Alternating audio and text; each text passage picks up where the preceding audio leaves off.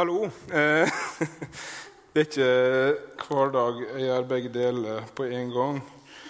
Eh, takk for sist, må jeg også si. Det er nesten en måned siden jeg var sist. Jeg heter Jan Magnus, jeg er ungdomsleder her i Misjonssalen. Skulle egentlig være her forrige helg og tale også, men da lå jeg og trodde jeg skulle dø. Hadde manflu og lå hjemme. Eh, så da måtte Jan Erik steppe inn, dessverre, mens jeg syntes synd på meg sjøl.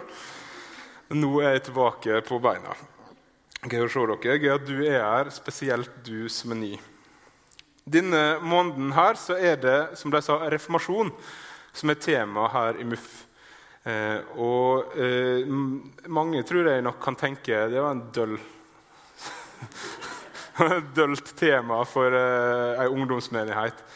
Eh, men så er det likevel så viktig at vi har valgt å kjøre det helt ut eh, i misjonssalen denne måneden og ha fokus på reformasjon. Fordi det er 500 år siden eh, Martin Luther spikra opp et ark på en kirkevegg som skulle føre til en splittelse i kirka, men som først og fremst førte til at folket, de vanlige folka, igjen fikk lov til å lese og forstå og høre evangeliet om Jesus. Eh, og Det syns oss er viktig, eh, og det vil oss markere. Bibelen ble på en måte gjenoppdaga, og en del av de sentrale sannhetene i Bibelen ble gjenoppdaga. Ehm, det jeg skal tale om i kveld, er kanskje den viktigste av dem, og det setter jo et visst press Eh, på meg, syns jeg. Eh, nemlig at oss blir rettferdiggjort for Gud av nåde aleine ved tru aleine. Så derfor føler jeg et behov for å be før vi går videre. Eh, kjære Jesus, takk at du kom.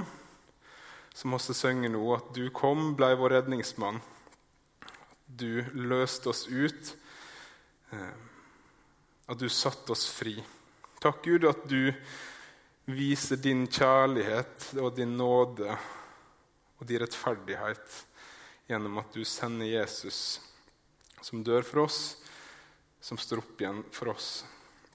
Så vi får lov til å kalle oss dine barn og få lov til å ha et evig håp. Jeg om det, det jeg skal si nå, ber om at du må være med meg eh, gjennom disse minutter. I ditt navn, Jesus. Amen. Jeg skal starte med å lese to vers fra Romerbrevet, kapittel 1, vers 16-17. For jeg skammer meg ikke over evangeliet. Det er Guds kraft til frelse for hver den som tror, jøde først og så greker. For i det blir Guds rettferdighet åpenbart av tru fra første sist, som det står skrevet den rettferdige ved tru skal leve. Den rettferdige ved tru skal leve. Jeg veit ikke hva, hva, tanker som dukker opp når jeg leser de versene om ah, det var fint, eller om litt sånn Ja, OK. Eh, men disse versene her, eh, hvor rare de måtte virke, var med å starte en bevegelse som gjør at oss sitter her i dag, som gjør at det fins nesten to milliarder, over to milliarder tror jeg, mennesker som er del av protestantiske kirker rundt omkring i verden i dag. Det var nemlig disse versene her, inni disse versene, den rettferdige skal leve ved tru. Den rettferdige ved tru skal leve. Ehm, det var her Martin Luther endelig fant en gud som var nådig, en gud som elska han, en gud som hadde tilgitt han. Jeg skal fortelle litt om Martin Luther. Jeg innså i stad at det er ganske mange her egentlig som heter Martin. Så eh, kanskje dere føler dette her spesielt for dere. Jeg veit ikke. Men Martin Luther vokste i hvert fall opp i det jeg ser for meg som en nokså normal heim i Tyskland. Eh, han hadde en far som var gruvearbeider, men som drømte om at sønnen hans skulle få et bedre liv. Eh, og ville at Martin skulle bli advokat. Og det begynte Martin å studere til å bli. Han var veldig flink også, faktisk. Han fullførte bachelorgrad, han fullførte mastergrad. Og det så ut som faren sin drøm eh, for han skulle gå i oppfyllelse, at han skulle bli advokat. Men så skjedde det noe som endra hele retninga på livet eh, til Martin Luther. Han havna i en tordenstorm.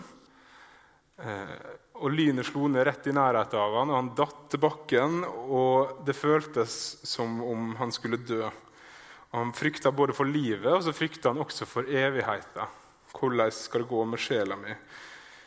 Så som den gode eh, katolikken han var, så ropte han da til Sankt Anne, som var helgen for gruvearbeidere. Altså faren hans og andre gruvearbeidere sin helgen. Om at hun måtte hjelpe han, at han måtte få overleve. Og så lovde han at da skal jeg bli munk.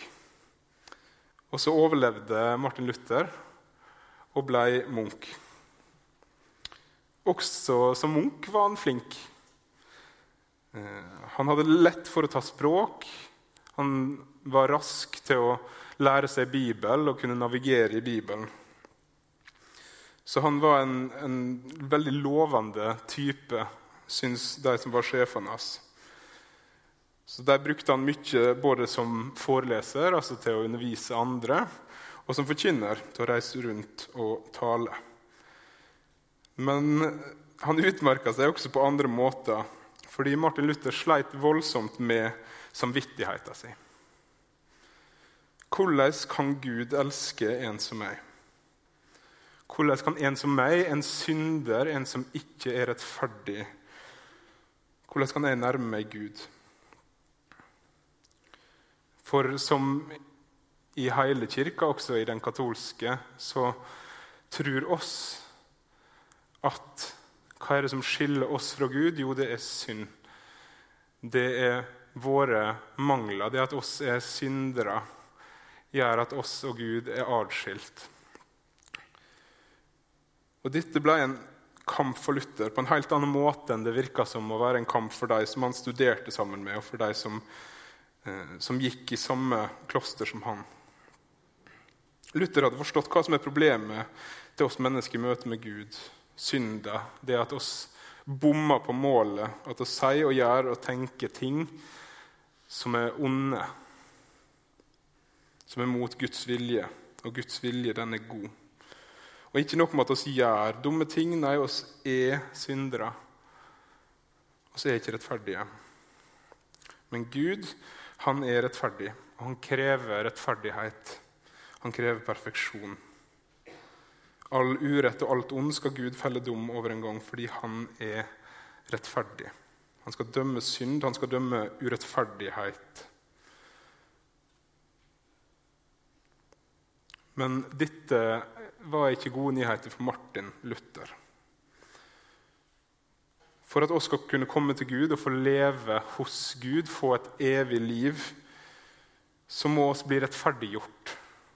Vi må enten gjøre oss rettferdige, eller vi må bli rettferdiggjort. Enten på egen hånd eller med Guds hjelp. Og I den katolske kirke som Martin Luther var en del av, så lærte jeg at rettferdiggjørelsen var en slags samarbeidsprosess. Der du gjennom dåpen fikk tilgang til det Jesus hadde gjort. Og så skulle du jobbe deg opp rettferdighet i et slags lager. Som på den siste dagen da skulle bli målt opp og se om, her, om du var rettferdig eller ei.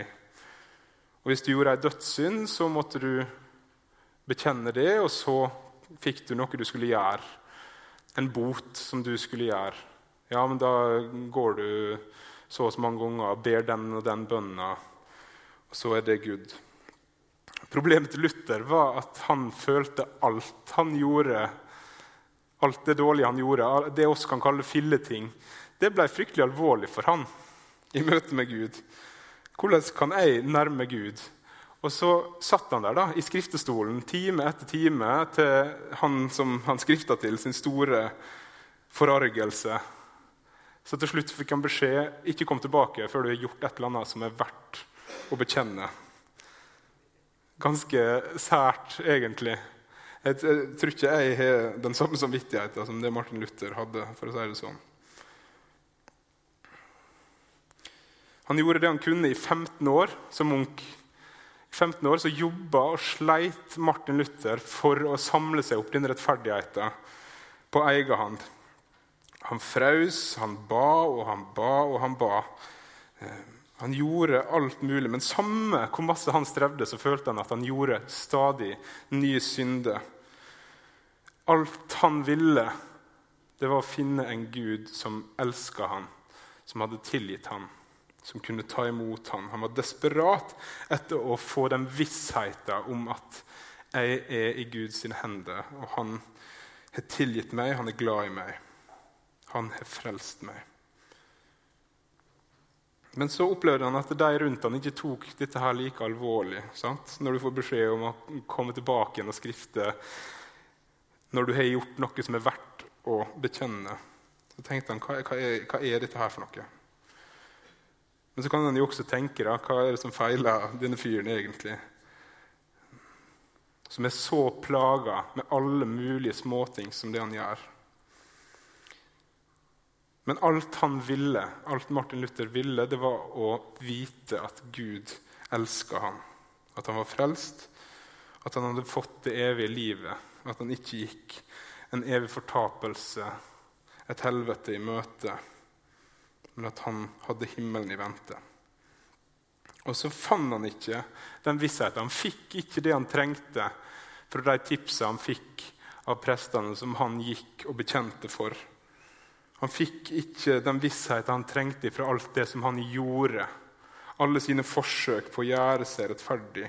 Der han følte at jo mer han gnukka på den flekken, jo styggere ble det.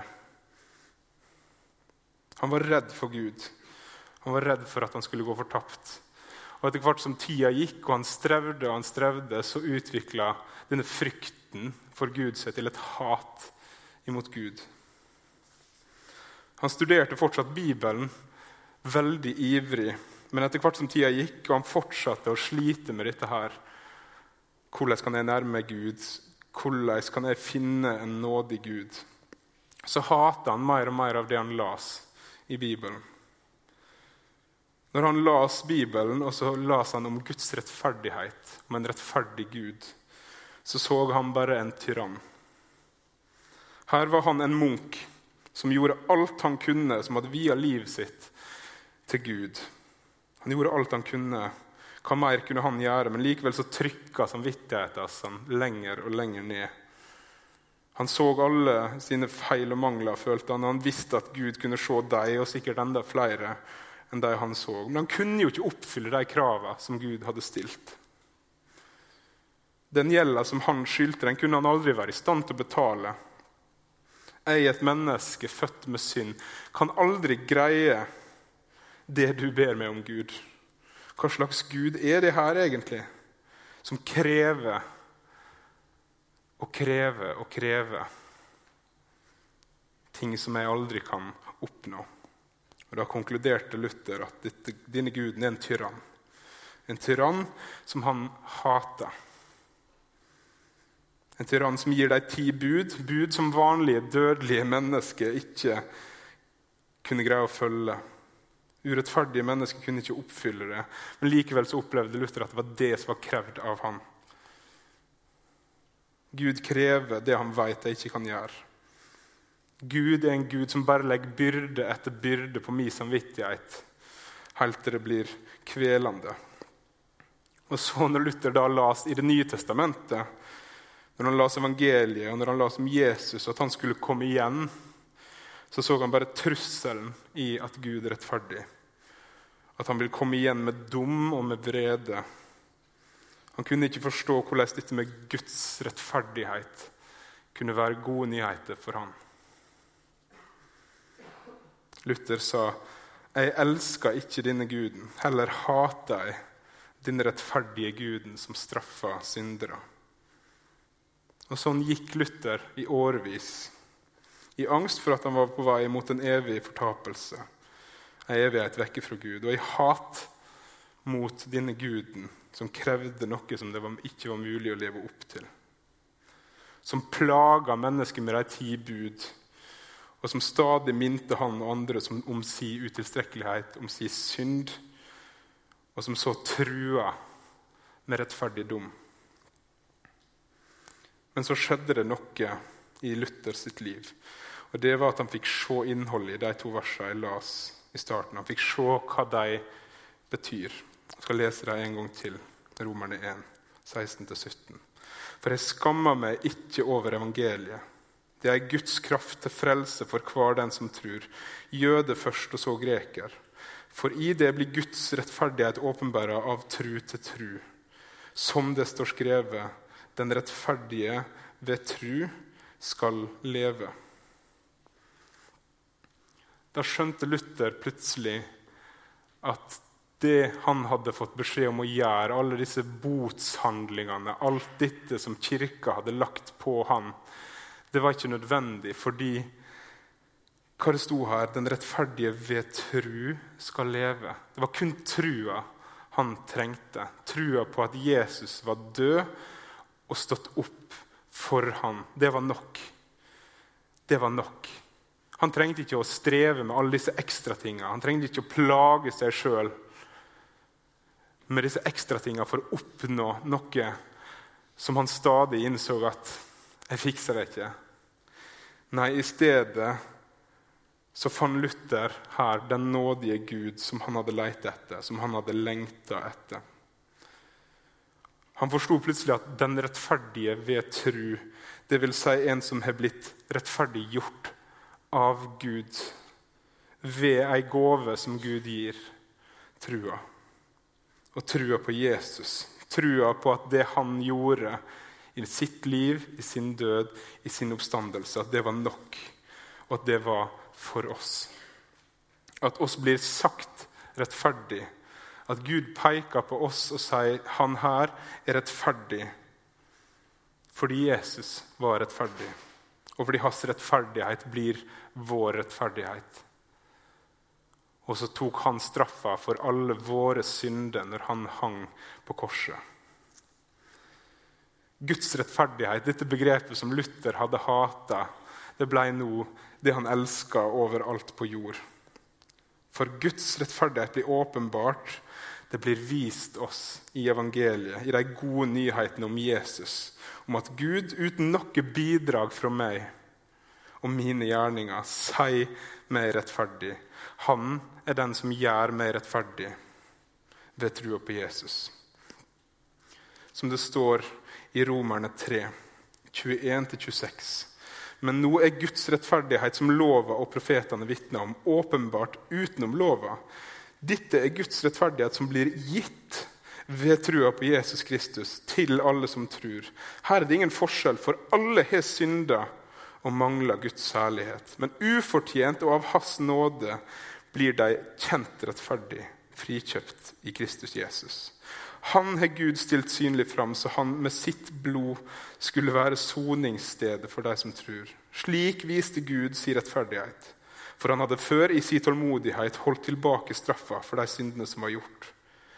Men i vår tid ville han vise sin rettferdighet, både at han sjøl er rettferdig, og at han sier rettferdig den som tror på Jesus.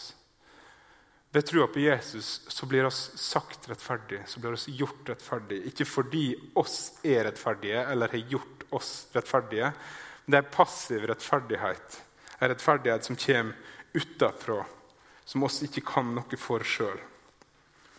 Jeg vil også lese fra Efeserbrevet, kapittel 2.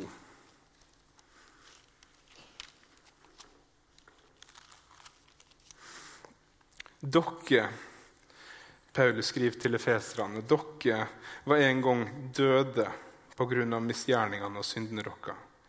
Dere levde i dem slik en gjør i denne verden og lot dere lede av Han som styrer i himmelrommet, den ånda som nå virker i de ulydige.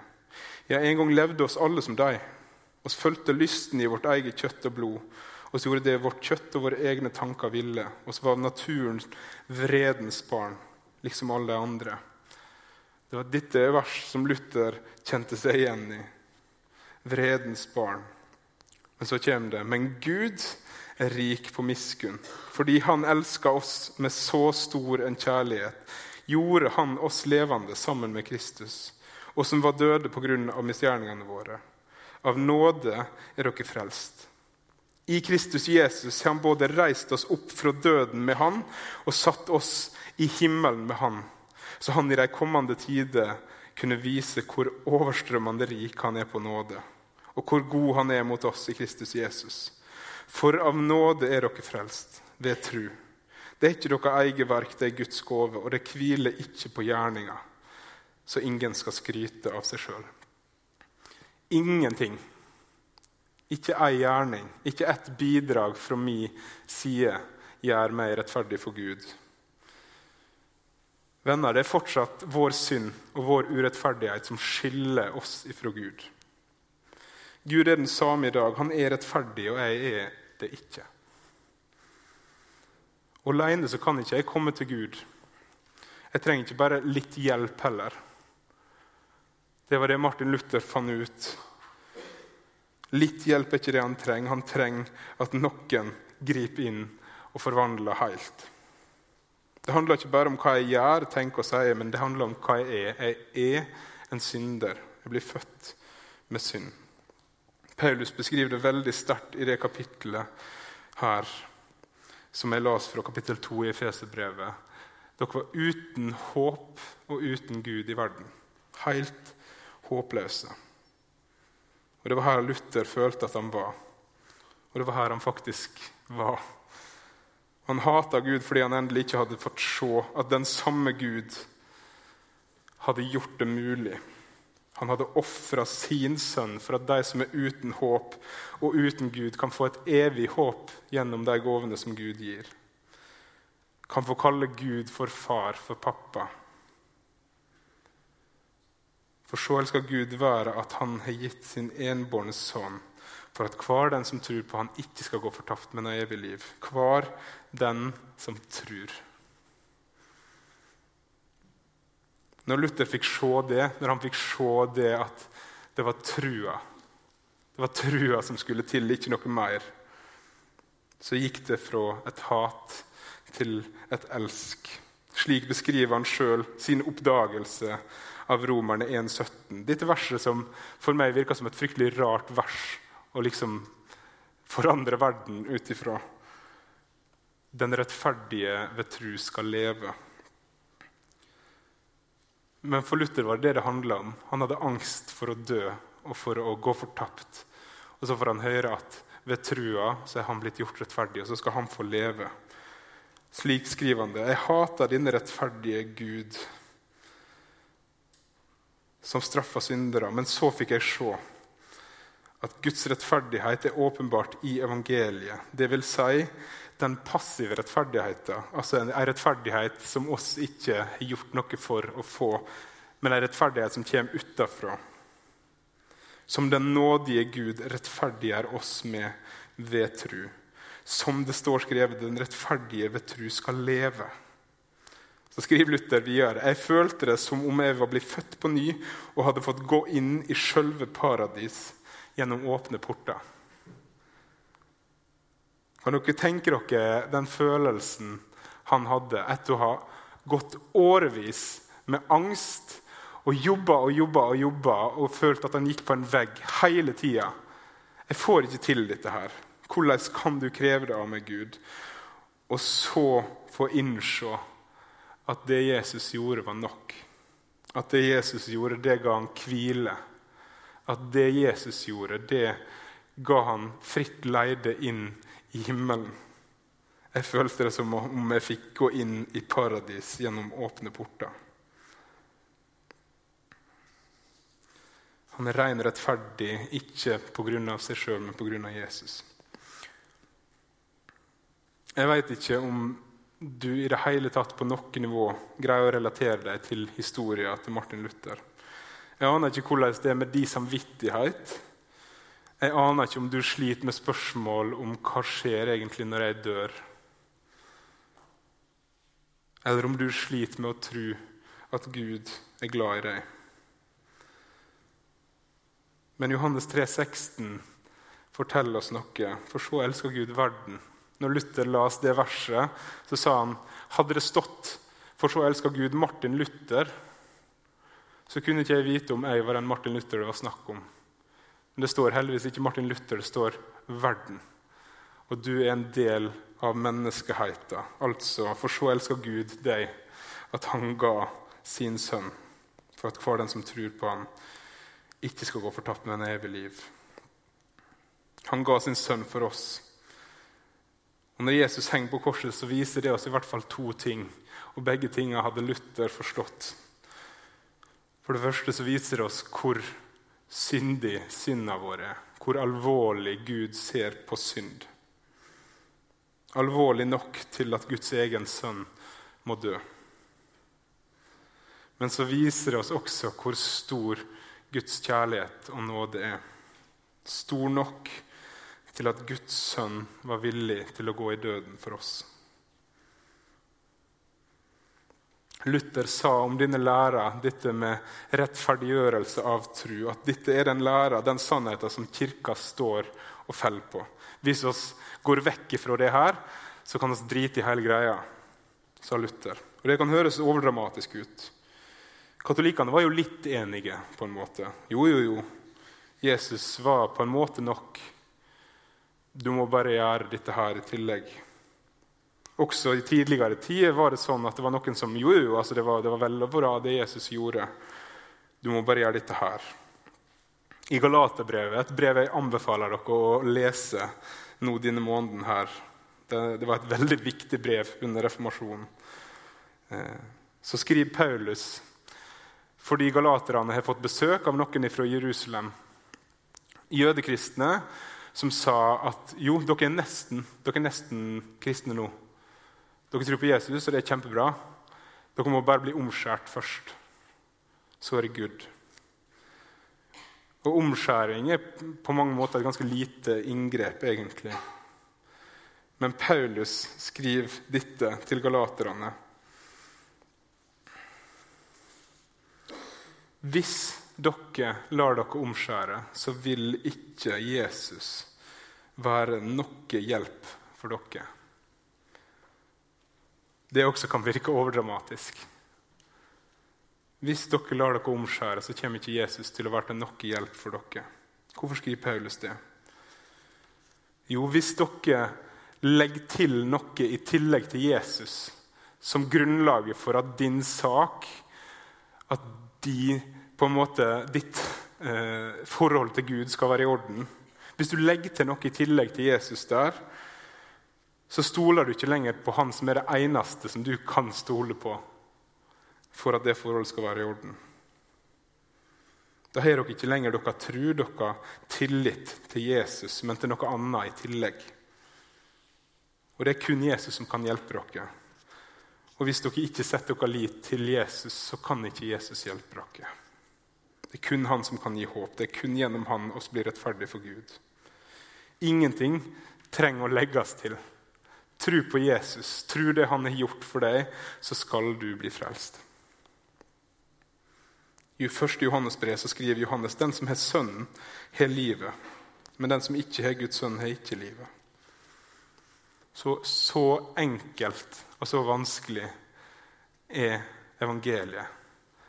Hvis du tror på Jesus, så skal du bli frelst. Hvis du tror at Jesus døde og sto opp igjen for deg, så trenger du ingenting mer. Da skal du få gå inn i paradis gjennom åpne porter. Det er ingenting du skal gjøre eller kan gjøre for å gjøre deg fortjent til dette. Det Jesus har gjort, er nok. Alltid nok.